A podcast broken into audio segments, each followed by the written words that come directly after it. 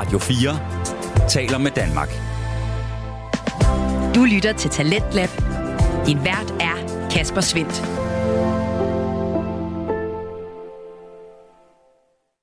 Og øh, her tilbage i programmet på Radio 4, som giver dig nye stemmer, fortællinger og holdninger, alt sammen fra Danske Fritidspodcast, så skal vi lige have den sidste bid af aftenens afsnit fra Den Stolte Far, en øh, podcast med Magnus Hvid og Niklas Ritter, som øh, selv sagt sætter fokus på det her med at øh, blive og være far. Det gør de i aftenens afsnit med gæsten Anders Big Chef Christensen, og den trios snak får du altså den sidste bid af lige her. Det kan være, at vi kommer og besøger dig igen om nogle år, for at høre, hvordan det går. Det synes jeg, det går. Ja. Det synes jeg kunne være skideske. Ja. Men så sidder han jo nok og er på størrelse med dig øh, om et par år. Så sidder han her, du ved, op og drikker kaffe. Altså. Jeg skal lige sige til lytterne, at han nikkede til Magnus og Magnus. mig. øh, her på faldrebet, der kommer det aller sidste spørgsmål, og det er ja. det spørgsmål, vi altid stiller til sidst til vores øh, gæster. Men øh, hvis du skulle give et godt råd til en kommende far, hvad skulle det så være? Lad være med at tro på, hvad folk siger. Det der med, at du bliver aldrig klar. Det bliver det største i dit liv. Og alt, hvad andre folk siger. Det er så individuelt fra folk til folk. Ikke? Så hvornår er det, man bider på barnet? Altså, synger man med babyens mave? Det gør jeg for eksempel. Det har jeg hørt på jeres podcast. Det er der nogen, der ikke gør. De synes, det er fjollet. Så er der nogen, der, der prøver at være for meget på, og nogen, der får lidt på. Og, altså, finde ud af det selv. Og det der med, at man aldrig er klar, selvfølgelig er du sgu da klar. Men der er bare aldrig, en, eller er bare lidt godt tidspunkt. Og men vi, vi er også ved at købe hus, eller du har lige skiftet job, eller men der er aldrig et godt tidspunkt. Men hvis man kigger sin partner i øjnene og siger, på hør, det her, det klarer vi fandme skat. Og nu er det dig og mig, vi er et hold, og lige om lidt, så er vi et hold på tre. Men det var for tvillinger, eller flere. Så lad være med at gå i panik. Lad være med at, lad være med at lytte for meget. Altså lyt, men, men, men også være klar over, at jeres måde at gøre det på er rigtigt. Øhm, og så kan man læse sig til rigtig mange ting. Og det eneste, øh, øh, vi, vi, vi læste ikke noget øh, efter at han var født. Det, var fordi, så kan du, du kan gå ind på NetDocDoc og fuldstændig i panik og alt muligt. Men en ting, vi bliver overrasket over, passer 95 procent til de der fucking tierspring der. Kæft, det bliver jeg godt nok overrasket over. Ja. Hvorfor er han sådan? Hvorfor er han sådan? Nå, det er fordi, nu kan han se og føle farver, og det betyder, okay, om to dage er det væk igen, og så to dage så er det væk. Ja. Hold kæft, det sidder i skabet, det der. Der er altså nogen, der har brugt lang tid på det der. Det har vi også snakket om her ja. i, i starten af vores podcast. Nu har vores børn så heldigvis ude af tierspring, ja. tror jeg. Men ja, det er helt vildt, hvordan tierspring Absurd så tæt det på. Altså, og det er meget... Øh, det er meget enkelt. Men nu har jeg selvfølgelig snakket meget, men nu, nu har jeg snakket mig selv til at tænke, hvad det egentlig er, hvis jeg skal sige én ting. Så er det, at, at man bliver nødt til at forstå, at man, det nytter ikke noget at blive frustreret, fordi det, der virkede i går, behøver ikke virke i dag. Du kan have fire dage, hvor det virker, og putte ham kl. 8, og lige pludselig så vil han først putte kl. 11. Og der er ikke noget galt med ham, eller hende, eller brødresteren, fordi det er det, de gør. Det er, der, det er ikke en skid, der virker ret meget mere end to dage, når de er små. Det skifter hele tiden. Så elsker de grød, så lige pludselig så vil de have boller. Altså, du, og du skal lade være med at tro, der er noget galt. Og så skal man støtte sin kone, for alle koner, de får et nedbrud på et eller andet tidspunkt. Nogle får flere, har jeg hørt. Hvor at baby bare græder, og lige pludselig så får mor nok, går ud på badeværelset, og hun flæber, og hun tuder, og hun tuder, og hun tuder. Og du kan som mand ikke gøre en skid andet, end at tage baby op, og sige til mor, prøv kom nu bare af med det der. Ud med det, det går nok. Og det bliver man meget nødt til som mand, fordi der er du altså nederst i fødekæden. Men alle, selv super lille mor, hun brød sammen sådan en enkelt gang efter ja, 14 dages tid eller sådan noget. Han bare ikke ville stoppe med at græde. Og han ville ikke amme, som han plejede at gøre i går. Og han ville ikke putte, ligesom han plejede. Og han græd og græd og græd, græd, græd. Han havde noget med maven, for vi så ud af, ikke? Men det sker. Og bak din kone op, når hun bare falder sammen. Fordi det gør de. Det er dem, der de har, de har et følelsesmæssigt overload, og så har de et fysisk ansvar, mens de jo ofte stadigvæk har ondt. Bak dem op der. Det kommer til at ske, at de knækker, øh, og så skal man bare være der. Det er godt råd. Ja, det var en øh, rigtig god øh, afslutning på det her afsnit. Tak fordi man var med. Det var fantastisk. Det er os, der takker. Det har virkelig, virkelig været øh, fantastisk at møde dig og høre din farhistorie. Og øh, til lytterne derude, gå ind og følg Anders, han hedder Big Chef på øh, de sociale medier, i hvert fald på TikTok. Ja, ellers så er det Big Chef Cook på Instagram, ja. Men ellers så er jeg til at finde rundt omkring. Men øh, Google Big Chef. Anders han kommer op. Der er Han er simpelthen fantastisk. Der er så meget kærlighed øh, på hans sociale medier, og vi er bare glade for, at du har været med i vores podcast. Man kan selvfølgelig også følge Den Stolte Far på Instagram, på TikTok og på Facebook. Og, øh, er der andet at sige, Magnus? Nej, ikke øh, andet end, øh, ja, tusind tak, fordi vi måtte komme, og du vil være med. selv tak, selv tak. Jamen, jeg beklager, at vi ikke lige kunne lave lidt mad til, nu når vi også sad men vi har fået noget kaffe og noget vand. Og det har været super hyggeligt. Og det, det har været super hyggeligt. Hvis I har nogen, øh, hvis I har nogle, øh, hvis I er nogle fædre derude, ræk ud til podcasten. Øh, det har været en stor oplevelse for mig, som jeg også har nævnt tidligere, så tøv ikke med at række ud. Tusind tak. Velkommen.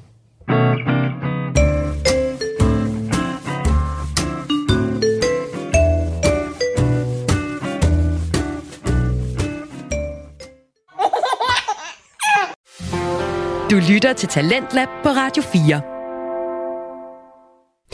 Her var det den øh, sidste bid af aftenens afsnit fra Den Stolte Far, hvor de to værter, Magnus Hvid og Niklas Ritter, besøgte Anders Big Christensen, som er kok og restaurantejer, samt den øh, stolte far til sønnen Storm.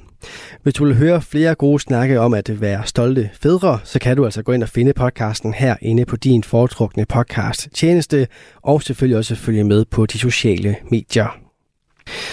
Og alle de steder, der kan du også finde aftenens næste fritidspodcast. Den hedder Spejderliv og består normalt af Kim Pedersen og Sten Eriksen.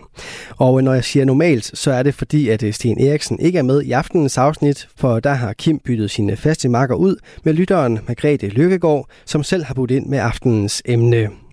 Det skal nemlig handle omkring sangen Fra himlen er du faldet, som øh, de danske spejdere har et øh, helt særligt forhold til.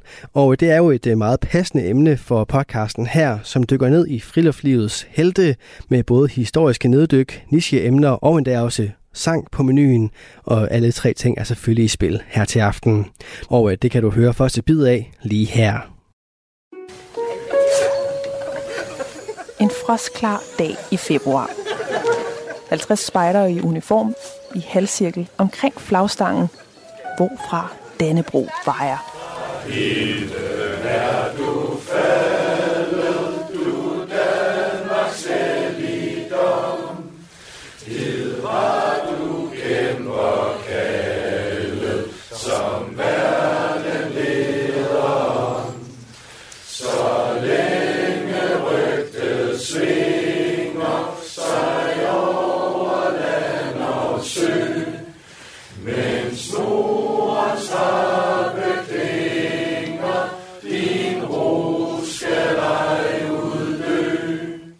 Og velkommen til dig, Margrethe. Du er jo med i dag, fordi det er dit forslag, at vi skal lave et afsnit om Fra himlen er du faldet. Det er jo den sang, mange spejdere synger, når øh, Dannebro skal tages ned. Jeg har glædet mig så meget. Og det er jo lidt fordi, Kim, har du nogensinde overvejet, hvorfor vi egentlig er så glade for at synge til spejder? Altså, hvorfor vi stiller os rundt i en cirkel om flagstangen og, synger, når vi skal hejse Danbro og, og stryge det igen? Mm, nej. Altså, det sætter jo en god ramme, det der med at sætte flaget om morgenen og, og synge, og så tage det ned om aftenen og synge. Altså, det er nogle gode rammer. Men, men ellers tror jeg ikke, jeg har tænkt over det. Og det er også en rigtig stor del af det, ja. Men for mig handler det rigtig meget om det fællesskab, jeg føler, når jeg står i den her halvcirkel med, med en masse andre spejder fra min, min gruppe.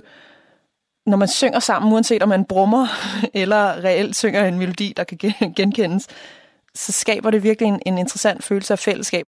Når vi kigger på historien, så er det, at vi synger sammen og kigger på Dannebro, altså sådan hele den konstellation, det er faktisk noget, som ikke bare er kommet ud af det blå. Det er noget, vi ligesom har, har knoklet for i 200 år.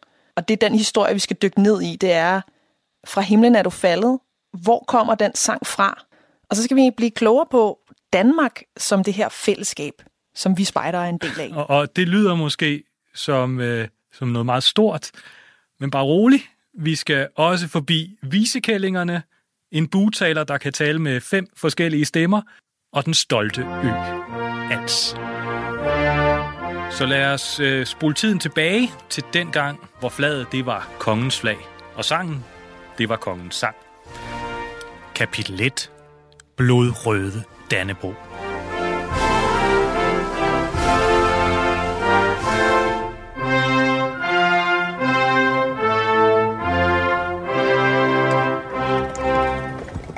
Det er 1784. På torvet står visekællingerne og sælger viser for to skilling. Der er nyheder på vers, sømandsviser, kærlighedsviser, satiriske viser og også sange om kongen. Den mest populære er Kong Christian fra skuespillet Fiskerne af Johannes Evald. Flaget Dannebro. Det vejer på Christiansborg Slot. Dannebro, det er nemlig kongens flag. Og så vejer det også for alle skibene i den danske flåde. Og der er mange skibe på det her tidspunkt, for øh, Danmark, vi har holdt os neutrale i alle konflikterne, og, og det går rigtig godt med handlen. København er Nordeuropas største havneby, og pengene, de strømmer ind. Og øh, Danmark er stort på det her tidspunkt. Med til ride, der hører Norge og de nordtyske stater Slesvig og Holstein. Det er måske også derfor, at kongen har fået en slags hyldsang. Godt nok hedder kongen Christian den 7. Men kong Christian handler ikke om ham, men i stedet om den barske Christian den 4., der kæmpede mod svenskerne på Koldberger Heide. Kong Christian den 7. derimod er slet ikke barsk. Han er sindssyg. Ja. Og øh, her i 1784, der er hans søn, Frederik, han er netop blevet konfirmeret. Han er øh, 16 år, man har trukket hans konfirmation lidt. Og det var der måske en god grund til, for noget af det første, han gør efter konfirmationen, det er, at han tager magten i landet. Indtil nu, der er landet blevet styret af først kongens læge, den tyske Struense, og da han fik hugget hovedet af, der blev det Frederiks papfarmor, enkedronning Juliane Marie, der sad med magten. Men nu kommer Frederik til. Frederik, det er ham, der bliver Frederik den 6., når han officielt bliver salvet som konge i 1808. Men allerede nu styrer han altså landet enevældig som 16-årig. Og den her unge konge, eller det er han jo ikke endnu, prins Frederik, han er ambitiøs. Rigtig ambitiøs. Og det er jo godt. Men altså, han er også stolt og stedig og egenrådig. Og alt det her ambitiøse, det, øh, det kommer til udtryk i 1788, hvor han blandt andet skriver under på Stavnsbåndets ophævelse. Det er jo godt, så kan de danske bønder ikke længere være bundet til deres arbejdsgiver til herremændene, og det kommer også til udtryk i 1814, hvor han opretter folkeskolen. Men stoltheden, stedigheden og egenrådigheden, ja, altså, den kommer til at koste ham og Danmark rigtig dyrt. Fordi, Margrethe, ved den franske revolution i 1789, det er altså noget, der sker uden for Danmark, der, der gør det franske folk oprør. Det der med frihed og lighed og broderskab. Og de svinger med den franske fane, eller tricolore, og så istemmer de deres øh, egen sang, Marseillaise.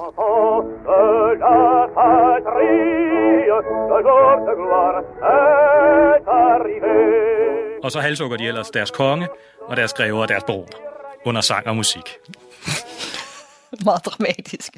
Og, og det giver selvfølgelig ekko ude i verden, det her med, at det franske folk tager magten, og det giver også ekko i Danmark, og på en eller anden måde, så er det som om, at det drøn, der lyder fra Frankrig, det er sådan ligesom kastes ud i verden, og så reflekteres det rundt. Og så ender det ligesom med at blive fokuseret på Danmark igen. Det er os, det kommer til at, at betyde allermest for, ud over Frankrig selvfølgelig. Fordi der opstå meget hurtig krig mellem den nye franske republik og så en række andre lande med England i spidsen.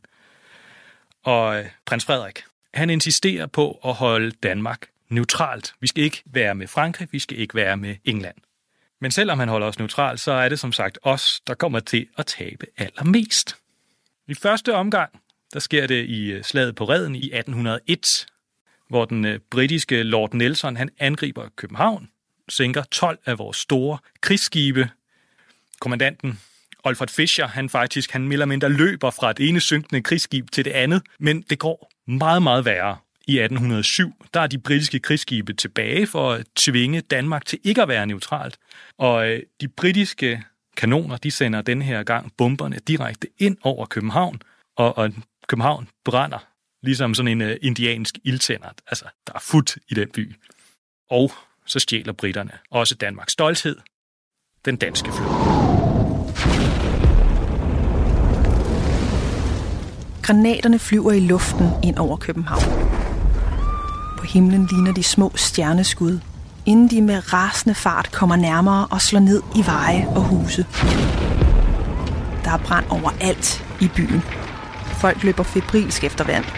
Blandt dem en ung jurastudent på bare 17 år, hvis hus også står i flammer. Jeg havde hørt kuglerne pibe, bomberne springe og stået med våben på volden. Med brændende lyst til at hævne mine faldende kammerater stød på en forhat fjende, mens byen stod i flammer omkring mig. Selvom han læser jura, banker hans hjerte for poesien. Alle hans digte brænder under bombardementet. Da han er der for fat i fjerpen og blæk, skriver han. Vift stolt på kodans bølge, blodrøde Dannebro. Din glans ej nat skal dølge, ej lynet dig nedslå.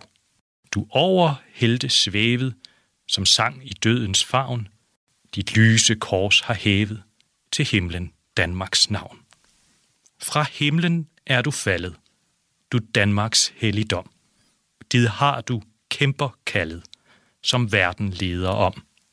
Så længe rygtet svinger sig over land og sø, mens Nordens harpe klinger, din ros skal ej uddø. Syv vers bliver det til. Han afslutter det hele med sin flotte, svungne signatur. Bernard Severin Ingemann. Men jurastudierne må fortsætte. Man kan jo ikke leve af at være forfatter. Så digtet bliver lagt fint ned i skuffen. Det er lidt fedt at høre det som et digt egentlig. Ja, ja, Det vers, man har sunget. Men han har virkelig haft et godt sådan, øre for, for rytme og sprog. Altså sådan, det er virkelig nice. Så det er altså det her digt til Dannebro, vift stolt på Kodans bølge, som med tiden er blevet til Fra himlen er du faldet. Det er altså andet vers for det her digt. Og hvis vi lige skal tage det ganske simpelt. Vift stolt på Kodans bølge. Kodan, det er jo, øh, det er jo et forsikringsselskab. Det, det er ikke dem, han, han tænker på. Den gode Ingemann. Kodan er også latin for Østersøen. Så det er altså det, han tænker på. Østersøens bølge. Margrethe, hvad synes du om det her digt? Altså man kan godt mærke, at det er skrevet i en tid, hvor at man havde lidt større sproglige armbevægelser. altså der er mange af de her ting, vi ikke vil bruge i dag. Altså jeg, jeg kan virkelig godt lide for eksempel næste linje, som handler om blodrøde Dannebro og din glans. Ej, nat skal dølge, og så lynet, det egnet slog i, i, øh, i Dannebro. Altså sådan, der er meget dramatik omkring det her, ikke? Og det er jo slet ikke et sprog, man vil bruge i dag overhovedet. Det virker meget overdrevet, meget sådan, ja, nærmest sådan lidt for pompøst i forhold til den situation, vi er i dag. Ikke? Men dengang, der var det jo stilen. Jeg, jeg, jeg tror også, han, han har været opfyldt af en eller anden retfærdig harme, fordi det her, det er jo en begivenhed, som bliver fordømt ude i hele Europa, det at man som krigsførende nation bomber civilbefolkningen i et andet land, og endda bomber hovedstaden. Det er, det er noget, som får sit eget navn. Copenhagenization hedder det på engelsk. Altså det at angribe civilbefolkningen for at presse et land. Ja, det kan jo være ret svært at forholde sig til i dag. Altså, vi i Danmark har jo ikke haft sådan direkte krig siden hvad? 2. verdenskrig er det jo egentlig, ikke? Ja. Men jeg tænker, at man kunne lave en sammenligning til Ukraine, hvor at, at det netop også var Kiev, der, der blev ramt af, af russerne. Altså, at man har hele den her, altså den, de følelser, man må have haft. Altså, jeg kan godt forstå, at Ingemann i hvert fald har haft et behov for både at sætte ord på sin meget sådan, altså det må have været vildt voldsomt at opleve at se en by som København, som dengang, øh, der var lå husene ret tæt, så det hele det brændte jo bare fuldstændig op. Ikke? Det må have været vildt dramatisk at miste sit hjem. Så jeg kan godt se, at han er meget i sin følelsesvold, ikke? når han skriver det her. En anden, der også sikkert har været i sin følelsesvold efter det her, det er den unge kronprins. Det er Frederik, fordi han står nu over for at skulle træffe et skæbne svangert valg. Han er tvunget nu til at opgive neutraliteten, og øh, hans rådgiver på det her tidspunkt, de foreslår faktisk at gå i forbund med England. Vi har også historisk set haft tætte bånd med England. Frederik 6. mor kom fra England. Men øh, Frederik, øh, han er altså krænket nu. Og på det her tidspunkt, der er kongen enevældig. Kongen har altid ret. Så mod sine rådgivers råd, så går han altså ind i krigen på Frankrigs side. Og så øh, bekriger han englænderne.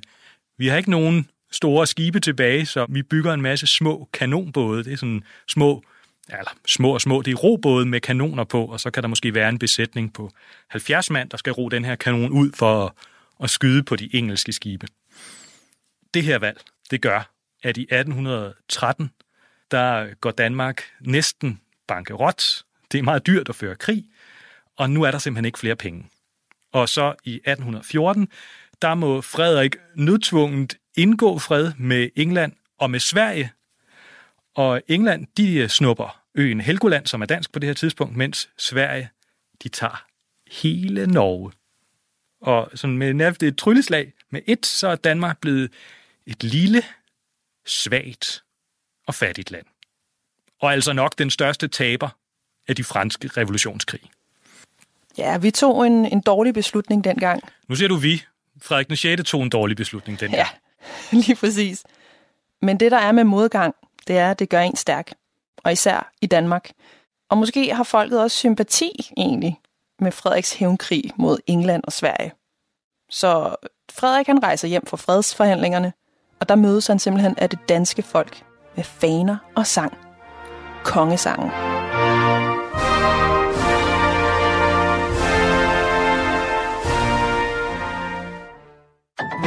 Du lytter til Radio 4. Du er skruet ind på programmet Talents Lab her på Radio 4, hvor jeg, Kasper Svendt, i aften kan præsentere dig for to afsnit fra Danske Fritidspodcast. Som nummer to er det her fra Spejderliv med verden Kim Pedersen, som øh, denne gang også har hjælp fra lytteren Margrethe Lykkegaard, og øh, det afsnit og det neddyk vender vi tilbage til her. Og det her digt, vift stolt på Kodans bølge, det skal blive en, øh, en sand landeplage, men inden den kan det, så skal den have en fængende melodi. Og der skal vi over til en anden ung mand. En ung mand fra det bedre borgerskab, David Wilhelm Rudolf Bay. Og øh, ham ved du rigtig meget om, Margrethe. Ja, for jeg har læst hans erindringsbog, som er en historie, der begynder i 1816, da øh, den her unge mand, han skal ned til Algeriet fra Danmark. Rudolf Bay, han, øh, han har nemlig fået en stilling som øh, konsulatsekretær i Algeriet. Og øh, han beslutter sig simpelthen for at tage en tur ned igennem Europa, fordi det var den eneste måde, man kunne komme til Nordafrika på. Det var simpelthen ved at, at køre med diligencer og ned forbi nogle værtshuse, som ikke er det samme i dag, som, som øh, det var dengang. Dengang var det en, sådan en pausestation. Man kunne overnatte, og så kunne man skifte heste på diligencen, for at man så kunne tage videre. Så, så det var ikke... Jo, jeg tænker også, man har drukket øl og sådan noget, øh, men lidt på en anden måde. Rudolf Bay, han er på det her tidspunkt 25 år gammel. Hans familie, han har sin far, Rudolf Martinez. Han er det, der hedder kancelliråd. undskyld, undskyld. Hans far hedder også Rudolf. Ja. Altså, Rudolf og Rudolf. Altså, Ja. hvad, sker, hvad sker der? Det er lidt underligt. og det stussede jeg også lidt over. Og så kiggede jeg faktisk lidt på, på sådan navnet og tænker, Rudolf, det lyder faktisk ret tysk. Og på det tidspunkt var det jo ret høj stil at have noget tysk i sit navn. Og det er ligesom uh, Lars von Trier, så uh, Rudolf. Ja, lige Det det præcis. samme. Det, det har sådan en pondus over sig, så, så er man nogen.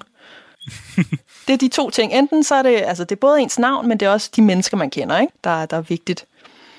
Men altså, hans far, Rudolf Martinez, han er altså det, der hedder kancelliråd. Det er en, det er en form for embedsmand. Man er ikke adelig, når man er kancelliråd, men man er rimelig højt på rangstigen i forhold til kongen. Så det vil sige, at han er en af dem, der, der rådgav kongen. Så, så, øh, så da Rudolf Bay er på vej til Algier, vil han altså følge sin fars fodspor som embedsmand. Ja, det ender han jo så med. Det er faktisk ikke der, han starter. Jeg ved ikke, øh, Kim, har du nogensinde været lidt i tvivl om, hvad du ville med sådan dit, dit liv? Meget, meget. Det, Ja. øh, jeg tænkte, jeg skulle være forfatter på et tidspunkt. Jeg tænkte også, jeg skulle læse retorik, Ja, men så endte jeg med at læse fysik. Så det er jo sådan rimelig, rimelig forskellige ting. det må man sige. Men sådan havde Bejde faktisk også, det her med at finde ud af, hvad, hvad skulle han egentlig med sit liv.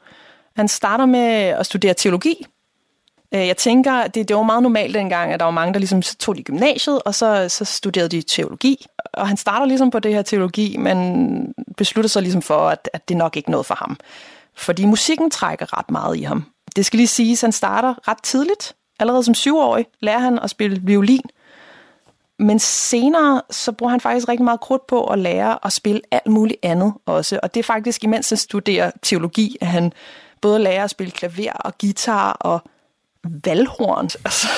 Så det er ligesom der, han starter. Han er lidt i tvivl, om han egentlig skal gå den her vej. Men han tør ikke rigtigt. Fordi, Åha. ja, musik er der måske en lidt usikker karriere. Den er der jo mange, der har siddet i. Så han beslutter sig for nok at blive embedsmand. Og det er jo en, det er jo en meget lang rejse dengang. Det, det blev man ikke bare. Altså man tog ikke bare en uddannelse, og så, så blev man embedsmand. Dengang, der skulle man simpelthen starte med at være volontør. Altså Fri, frivillig. frivillig, eller hvad? Frivillig, ja. Og det er så derfra, at han kommer videre til stillingen som sekretær på konsulatet i Algier, som det hed dengang.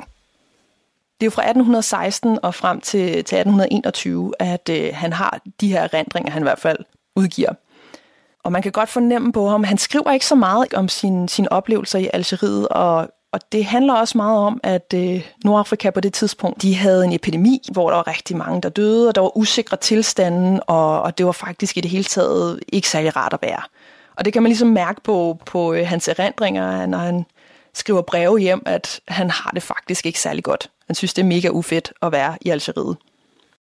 Det, der så sker, det er, at når man ikke har det så godt, så bliver man jo nødt til at, at finde på noget andet at lave. Og øh, han vender faktisk tilbage til musikken her. Mm. Begynder at, at skrive nogle sange, øh, nogle melodier, og begynder at fokusere enormt meget på det, imens han, han arbejder som sekretær. Så han skriver faktisk hjem til sin, sin gode kammerat. Din gode kammerat? Ja, nemlig den gode B.S. Ingemann. De havde mødtes nogle år forinden, så han modtager et øh, digt. B.S. Ingemann, han sender nemlig Vift Stolt på Kodans bølge. Og så går der jo et arbejde i gang for, for den gode bag.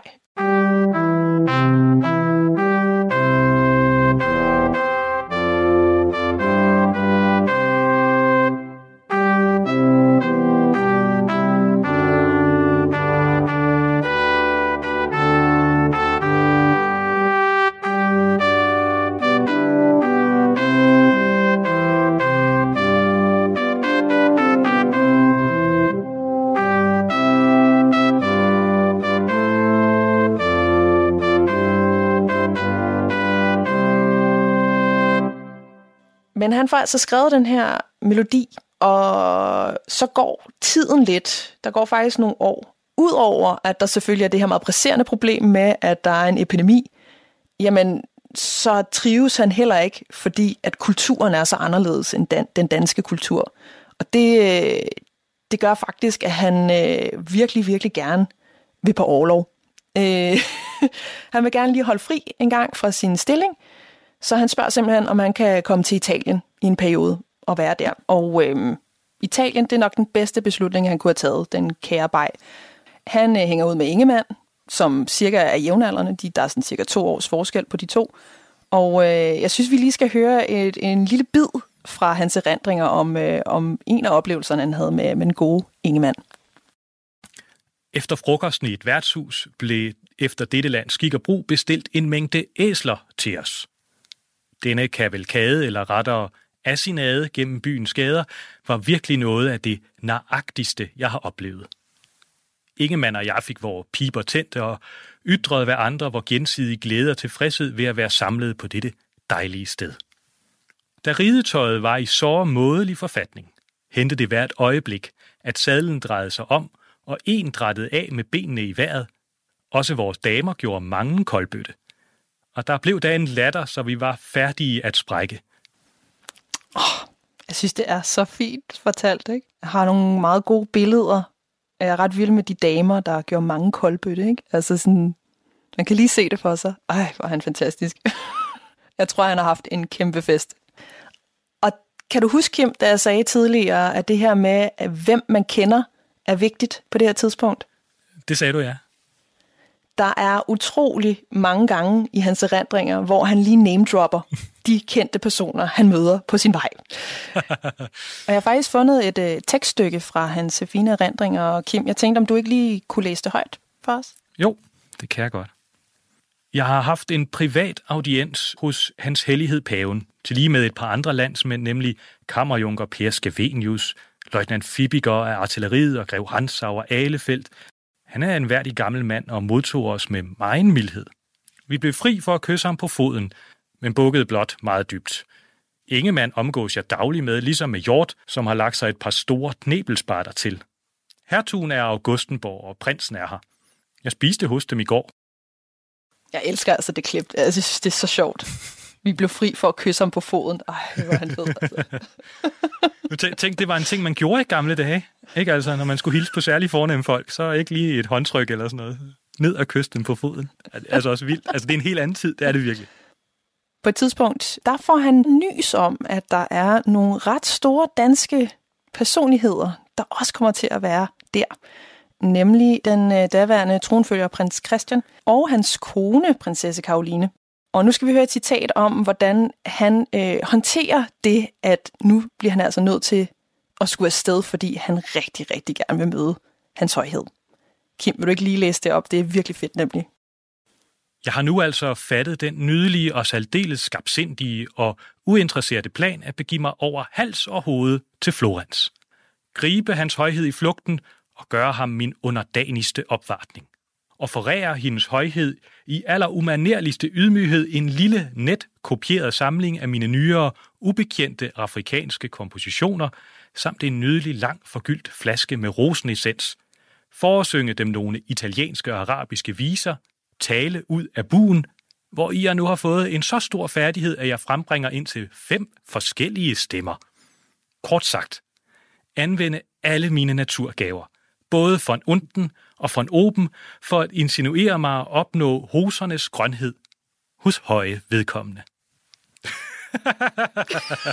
Jeg elsker det. Altså, jeg kan, jeg kan godt lide, at han skal, han skal butale. Det er hans, en af hans ting, han ligesom vil, vil prøve at imponere dem med. Det er en ret sej skill alligevel, at han også vil have den frem, og ikke kun hans kompositioner. Men, men her i citatet, der står der også, at han har tænkt sig overrække dem en kopieret samling af mine nyere, ubekendte afrikanske kompositioner. Ja, og det er jo faktisk den sang, som hele det her afsnit handler om, nemlig Vif Stolt på Kodans Bølge, som han blandt andet gerne vil vise og spille for, øh, for parret. Ved, ved, ved vi, hvad de synes om det så? Ved vi, hvad de synes om sangen? Jamen, både prins Christian og prinsesse Karoline, de er faktisk enormt glade for den her sang. Og prinsen, han, er, han vil faktisk gå så langt som at sige, at den her kunne blive den nye nationalsang. Uh. Så det er sådan, det tænker jeg er rimelig store ord fra en, en, en, en, der er en del af tronfølgen. Ikke? Og prinsen, han lover faktisk at tage den her sang med hjem til Danmark og sende den ind til en konkurrence. For der var nemlig en konkurrence på det tidspunkt. Og det handlede netop om at finde en ny nationalsang. Og det synes jeg jo lidt fascinerende. Og det var også der, jeg ligesom stoppede op og var sådan lidt, hvad er det for en sang? Når du kom der til erindringerne, tænkte du, Vif Stolt på Kodans Bølge, den har du aldrig hørt om. Aldrig nogensinde. Nationalsang. Og det var også der, jeg måtte stoppe op og kigge hen på min mor, som sad i samme rum på det tidspunkt, og var sådan, mor, kender du den? Og så nynnede hun den. Og så var det netop fra himlen er du faldet melodien, hvor jeg bare var sådan, okay, jeg kender den åbenbart. Stærkt. så det er jo en melodi, som, øh, som kan noget, og han omtaler faktisk selv melodien som, at den, den er ret enkel, og så enkel, at, og nu citerer jeg, en hver skomagerdreng kan synge den straks, og derfor er den også temmelig skikket til nationalsang. Det er ligesom hans ord. Om den så nogensinde blev sendt afsted, det er jeg faktisk lidt i tvivl om. og nu forlader vi faktisk vej i Italien. Der har han det jo så godt, så øh, der tænker vi, at han lige skal have lov til at blive lidt. Så vi tager tilbage til Danmark og prøver at finde ud af, hvad er det egentlig for en nationalsangskonkurrence, der var i gang på det her tidspunkt. Kapitel 3. Nationalsangskonkurrencen. Øh, Det er sådan, da Danmark tabte til England og Sverige, der gik vi faktisk også over på deres side i krigen, og det betyder også, at vi i sidste ende faktisk er på den vindende side, da Frankrig bliver besejret. Og på det her tidspunkt har vi faktisk også tropper i Frankrig. Kommandøren for de her tropper, han kunne godt tænke sig en sang, der ligesom den franske nationalsang, Marseillaisen, kunne indgyde noget mod og mandshjerte i soldaterne. Så derfor så har han skrevet til noget, der hedder Selskabet til de skønne og nyttige videnskabers forfremmelse, og foreslået, at de laver en konkurrence, så vil han gerne udlåde 400 ristaler til den, der kan skrive den bedste danske nationalsang. Og det er altså den konkurrence, som øh, tronfølgeren prins Christian har foreslået, at Vift Stolt på Kodans bølge skal deltage i. Men den når ikke at komme med. Til gengæld så kommer mange andre bidrag med. Men øh, Margrethe, dommerne de voterer, og hvad tror du så, det kommer frem til? Hvilken nationalsang er det, de finder? Nationalsangen? Der er et yndigt land, ikke?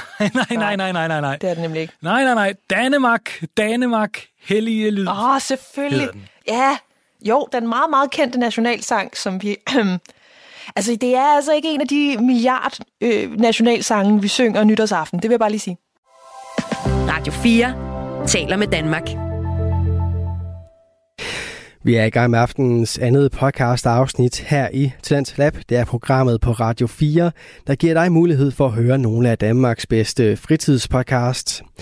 Mit navn er Kasper Svendt, og i denne time der har jeg blandt andet fornøjelsen af at give dig en episode fra Spejderliv, en podcast, hvor verden Kim Pedersen i aften får hjælp fra lytteren Margrethe Lykkegaard til at tale omkring den helt særlige spejdersang Fra himlen er du faldet, og øh, vi fortsætter her med deres episode, hvor vi dog skal høre videre omkring en helt anden sang, nemlig Danemark, Danemark, Hellige Lyd, der faktisk blev kåret til vores nationalsang.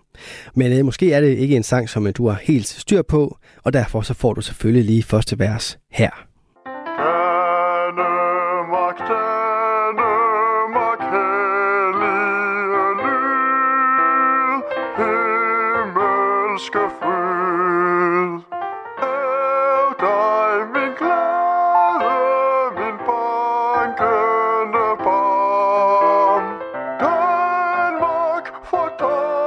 dig toner sangen så varm, når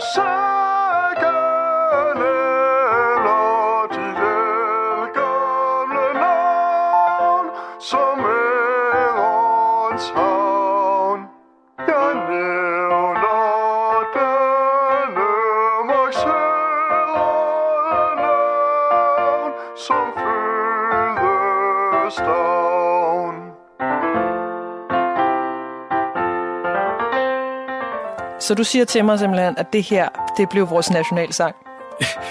Den, den vandt i hvert fald konkurrencen. Den er, den er skrevet af en Juliane Marie Jessen. Jeg tror faktisk, det er den eneste nationalsang, der kender, der er skrevet af en kvinde. Yes, mand, det kan vi lide. Ja. Men til trods for, at den er skrevet af en kvinde, så bliver den taget virkelig dårligt imod i datiden. Folk synes virkelig, at det er noget magtværk, at de kan, de kan slet ikke tage det seriøst. Juliane Marie Jessen, hun er enkedronning Juliane Maries oplæser. Okay. Øh, Så, så på den måde, altså hun er ikke noget, kan man sige, ved musikken, ved digtekunsten. Der går sådan et, et ondsindet rygte om, at i virkeligheden, grunden til, den vandt, det var fordi, at hendes håndskrift skulle ligne Adam Øenslagers håndskrift. Wow. Og, og det er der faktisk lavet forskning på. Altså man har faktisk sammenlignet deres håndskrifter og fundet ud af, at de slet ikke ligner hinanden. Stærkt. Så, så, så det, det, er, det er et falsk rygte. Men altså, Wow. wow. det rygte gik der. Der bliver blandt andet lavet forskellige satiriske omskrivninger af sangen. For eksempel denne her. Danemark, Danemark, hvor er din grød? Livlig og sød. Hæv dig, min glade, min bankende barm. Danmark, din grød med dig madlystens tarm. Når Saga nævner dit elgamle navn, kendt i hver en havn. Jeg nævner sødgrødens hedrende navn som mavens gavn. der er nogen, der har været kreative der. Så øh, altså, den her sang, den slår ikke an. Nej.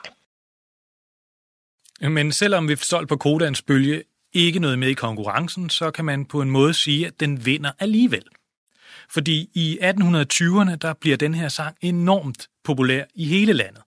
Det bliver sådan en slags landeplage, det er sådan en sang, som alle kan melodien til, som alle kan synge, som udgives som skillingsviser, som man skriver lejlighedssange over. Men jeg vil også sige, at når jeg læser øh, Rudolf Beis erindringer, så nævner han også utrolig mange gange, hvor han spiller melodien for andre i Europa, altså i Italien.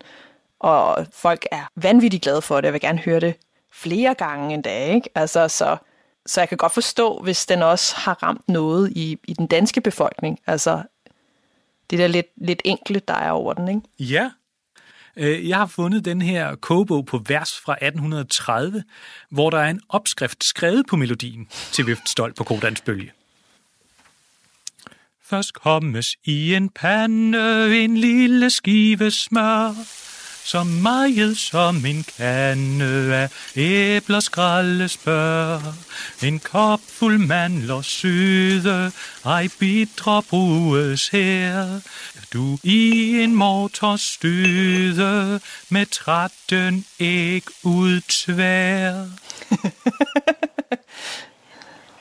Men det er en, en meget fængende melodi. Jeg tror, du sagde på et tidspunkt, at du mente, den var også lidt sørmodig eller melankolsk.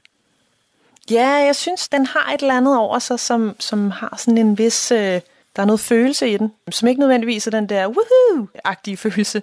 Nej, jeg synes også, i forhold til for eksempel den franske nationalsang, som jo også har sådan et kamptema, så vil jeg også sige, at Rudolf Beis melodi er meget mere dansk på en eller anden måde. Altså, fordi det er ikke en march, man kan marchere til. Det er bare en stille og rolig melodi.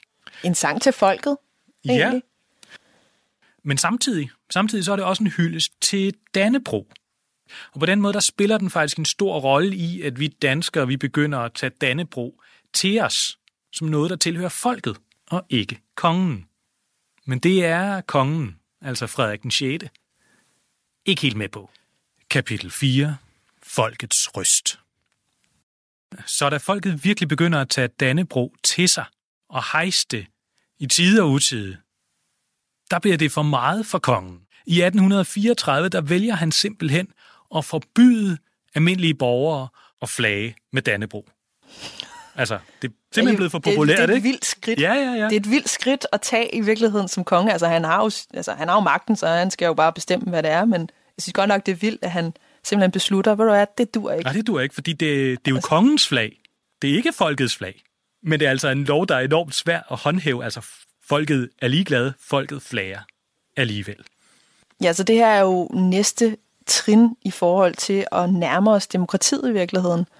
Altså det demokratiet, og det er jo nogle gange det, man glemmer lidt i dag, at det kom jo ikke bare sådan overnight, bum. Det er jo små skridt hele tiden. Så det her med flaget, jeg synes, det er ret stort et eller andet sted, at han forbyder, at man bruger det, og så alligevel er folk bare sådan, men det er vores flag nu.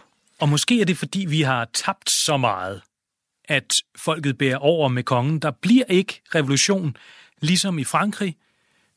Det hele foregår fredeligt. I sådan et langsomt, jævnt pres. Og det her pres, der spiller sangen en enormt stor rolle. Ja, Men det der med, at vi synger som danskere, altså der har vi jo en særlig tradition om at synge. Og det, det er egentlig ikke noget, man gør på det her tidspunkt, det der med at stille sig sammen og synge i, i fællesskab. En historie om, hvordan det startede, det er, at i øh, 1838, der prædiker præsten Grundtvig i, øh, i Vartov Kirke. Man kan sige, at han prædiker, han, han udlægger faktisk hele Danmarks historien. Og efter at han har fortalt om Englandskrigene, altså om slaget på redden og bombardementet af København og kanonbådskrigen, så slutter han af, og som svar, der begynder folk simpelthen at synge en sang. En sang om helten Peter Villemose, som kæmpede under bombardementet. Og det mener, altså det er der nogen, der mener, at det er første gang, man ligesom har det her, at folket synger sammen. Men som en bivirkning af, at de her sange og det danske bliver brugt som sådan en spydspids mod at få folkestyre, så, øh, så opstår der helt naturligt nogle gnidninger med de tyske hertugdømmer Slesvig og Holsten, som stadig er en del af kongeriget Danmark. Og altså, det får sådan en nogle gange lidt uheldig sammenspil. Og det kommer særligt til udtryk gennem de sønderjyder, der taler dansk, som må kæmpe en kamp for overhovedet at få lov til at bruge deres modersmål. Og den kamp, den kaster hele, kan man sige, Danmark sig ind i, og det sker blandt andet på nogle store møder på det, der hedder Skamlingsbanken. Og Margrethe, det ligger over ved dig et sted, ja det er lige lidt syd for Kolding, hvor at, øh, at det har jo en ret stor historie. Det er et sted, som har samlet mange mennesker gennem mange forskellige perioder. På det første møde hejser man blandt andet et kæmpe stort splitflag, og så synger man blandt andet også Vift Stolt på Kodans bølge. Men de bliver endnu vildere året efter. Og det vi snakker om her, det er altså det store folkemøde, der var ved Skamlingsbanken den 4. juli 1844. Og der var faktisk hele 12.000 mennesker, der deltog. Og i dag, der har vi jo både været i parken, og altså, der er mange store arenaer, hvor der er mange mennesker, så 12.000 lyder ikke umiddelbart af meget. Men når man ved, hvor Skamlingsbanken ligger, det er ikke et sted, man bare lige kommer til. altså. så det er ret stort, at der er 12.000 mennesker, der, der kommer til det her store folkemøde. Og det, der sker ved det her store folkemøde, det er, at der er forskellige talere, og så bliver der sunget sange. Og en af de sange, som Studentersangforeningen har taget med, det er netop, det er et yndigt land.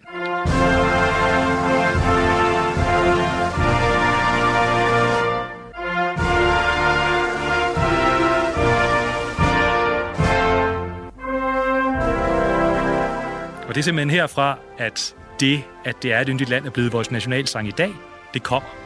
Det er simpelthen her. Og i det hele taget, så bliver sangen og Dannebro bliver ligesom et bagtæppe til alle de store begivenheder, der gør, at Danmark får folkestyre i øh, 1848. Det er også enormt populært under treårskrigen, den borgerkrig, der er lige efter, at vi har fået folkestyre, hvor Slesvig og Holsten forsøger at rive sig fri.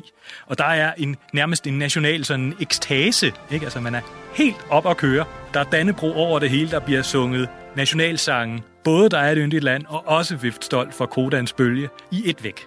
Det er også den sidste krig, hvor Danmark på en eller anden måde vinder. Nu kan man diskutere, hvor meget man vinder under en borgerkrig, men det er i hvert fald den følelse, man har. Men den her meget nationalistiske danskhedsstyrkelse, den giver os en lærestreg i 1864, hvor Danmark jo taber krigen om de tyske hertugdømmer Slesvig og Holsten til Preussen. Og det betyder altså, at de danske i, i Nordslesvig, eller Sønderjylland, som vi kalder det i dag, de bliver en del af det tyske rige. Og ligesom i 1807, så bliver tabet her i 1864 en vigtig sten i opbygningen af det danske folkestyre. Og det skaber også et enormt sammenhæng, og igen bliver det at synge, der bliver sangen, en meget vigtig brik i sønderjydernes, hvad skal man sige, ikke voldelige måde at gøre oprør mod det tyske rige. Der bliver ret kort tid efter udgivet en sangbog, der hedder Den Blå Sangbog, med danske sange. Det bliver faktisk så stærk en ting, at tyskerne ender med at forbyde nogle af de her sange. Altså, de må simpelthen ikke blive sunget offentligt, og det er blandt andet de her nationalsange, som bliver forbudt. De bliver stadig udgivet i sangbogen, bare med en lille notits om, du ikke må synge dem offentligt. Tyskerne har vidst vigtigheden af at synge de her sange om, hvor man kommer fra. Og det er jo sindssygt vildt at tænke på, at de så har prøvet at forbyde, men altså, folk i, i Sønderjylland har jo været lidt ligeglade. Det har jo været en ret stor del af deres måde at være sammen på i, i rigtig mange år. Ja, sangen bliver igen enormt vigtig under 1. verdenskrig og 2. verdenskrig. Altså hver gang Danmark er i krise, hver gang Danmark trues, så vender vi tilbage til sangen, og det kunne vi jo også se under coronakrisen, hvor vi alle sammen sang sammen gennem hver vores tv. Kapitel 5. Hotellet.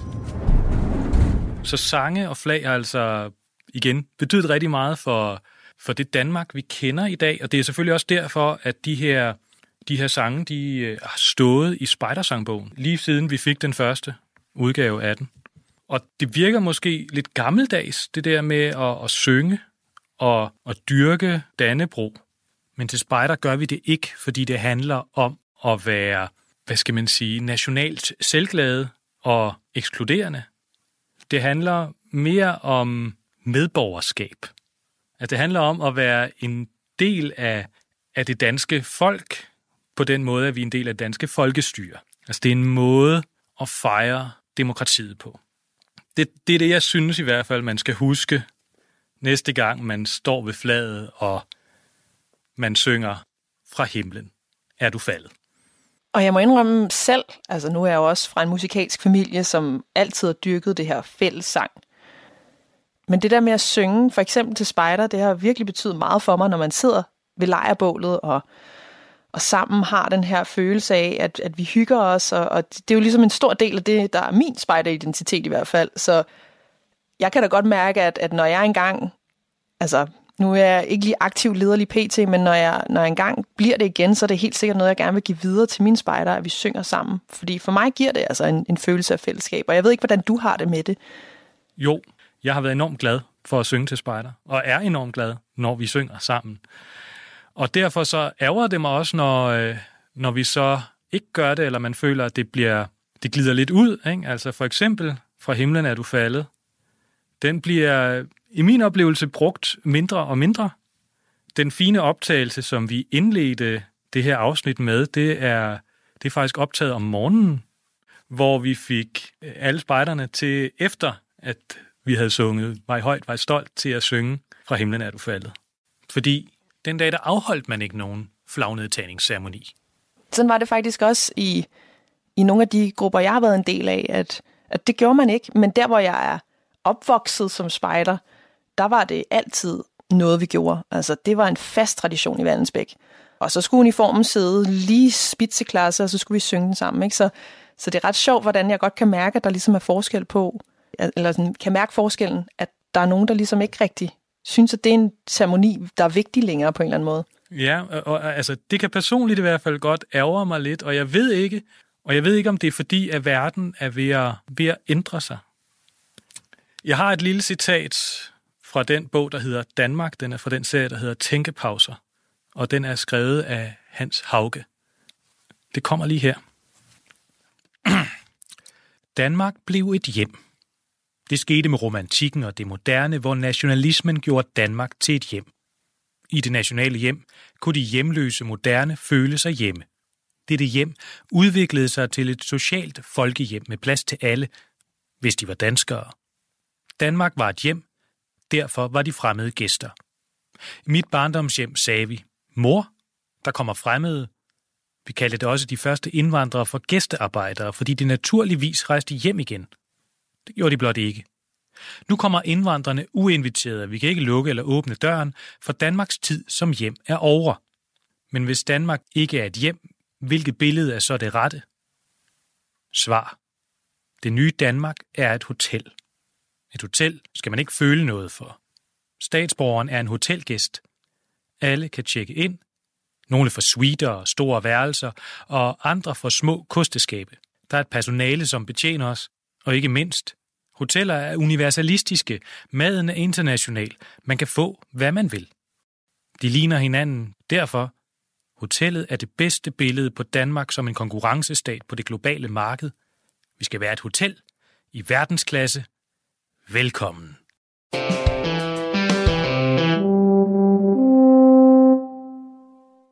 Han er nu altså meget sjov, ham der Rudolf Bay. Man kan godt mærke, at han virkelig godt kunne have tænkt sig, at øh, Vift Stolt på Kodans Bølge skulle være blevet den rigtige nationalsang. Ja. Men sådan gik det jo ikke. Og dog, på en måde så bliver det faktisk en officiel nationalsang.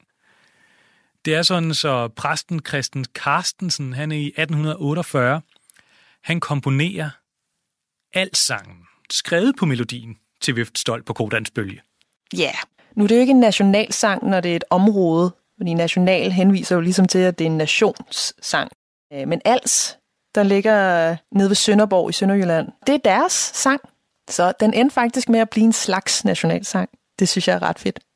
Jeg skal sige mange tak til alle de deltagere, der var på Korpsweekenden, som hjalp os med at synge Fra himlen er du faldet. Jeg skal sige mange tak til Nils Revdal, som har indspillet Danemark, Danemark, hellige lyd. Og så skal jeg sige mange tak til dig, Margrethe, fordi du vil være med til at lave det her afsnit, som du selv havde efterspurgt. Tak fordi jeg måtte være med, Kim. Du lytter til Talentlab på Radio 4.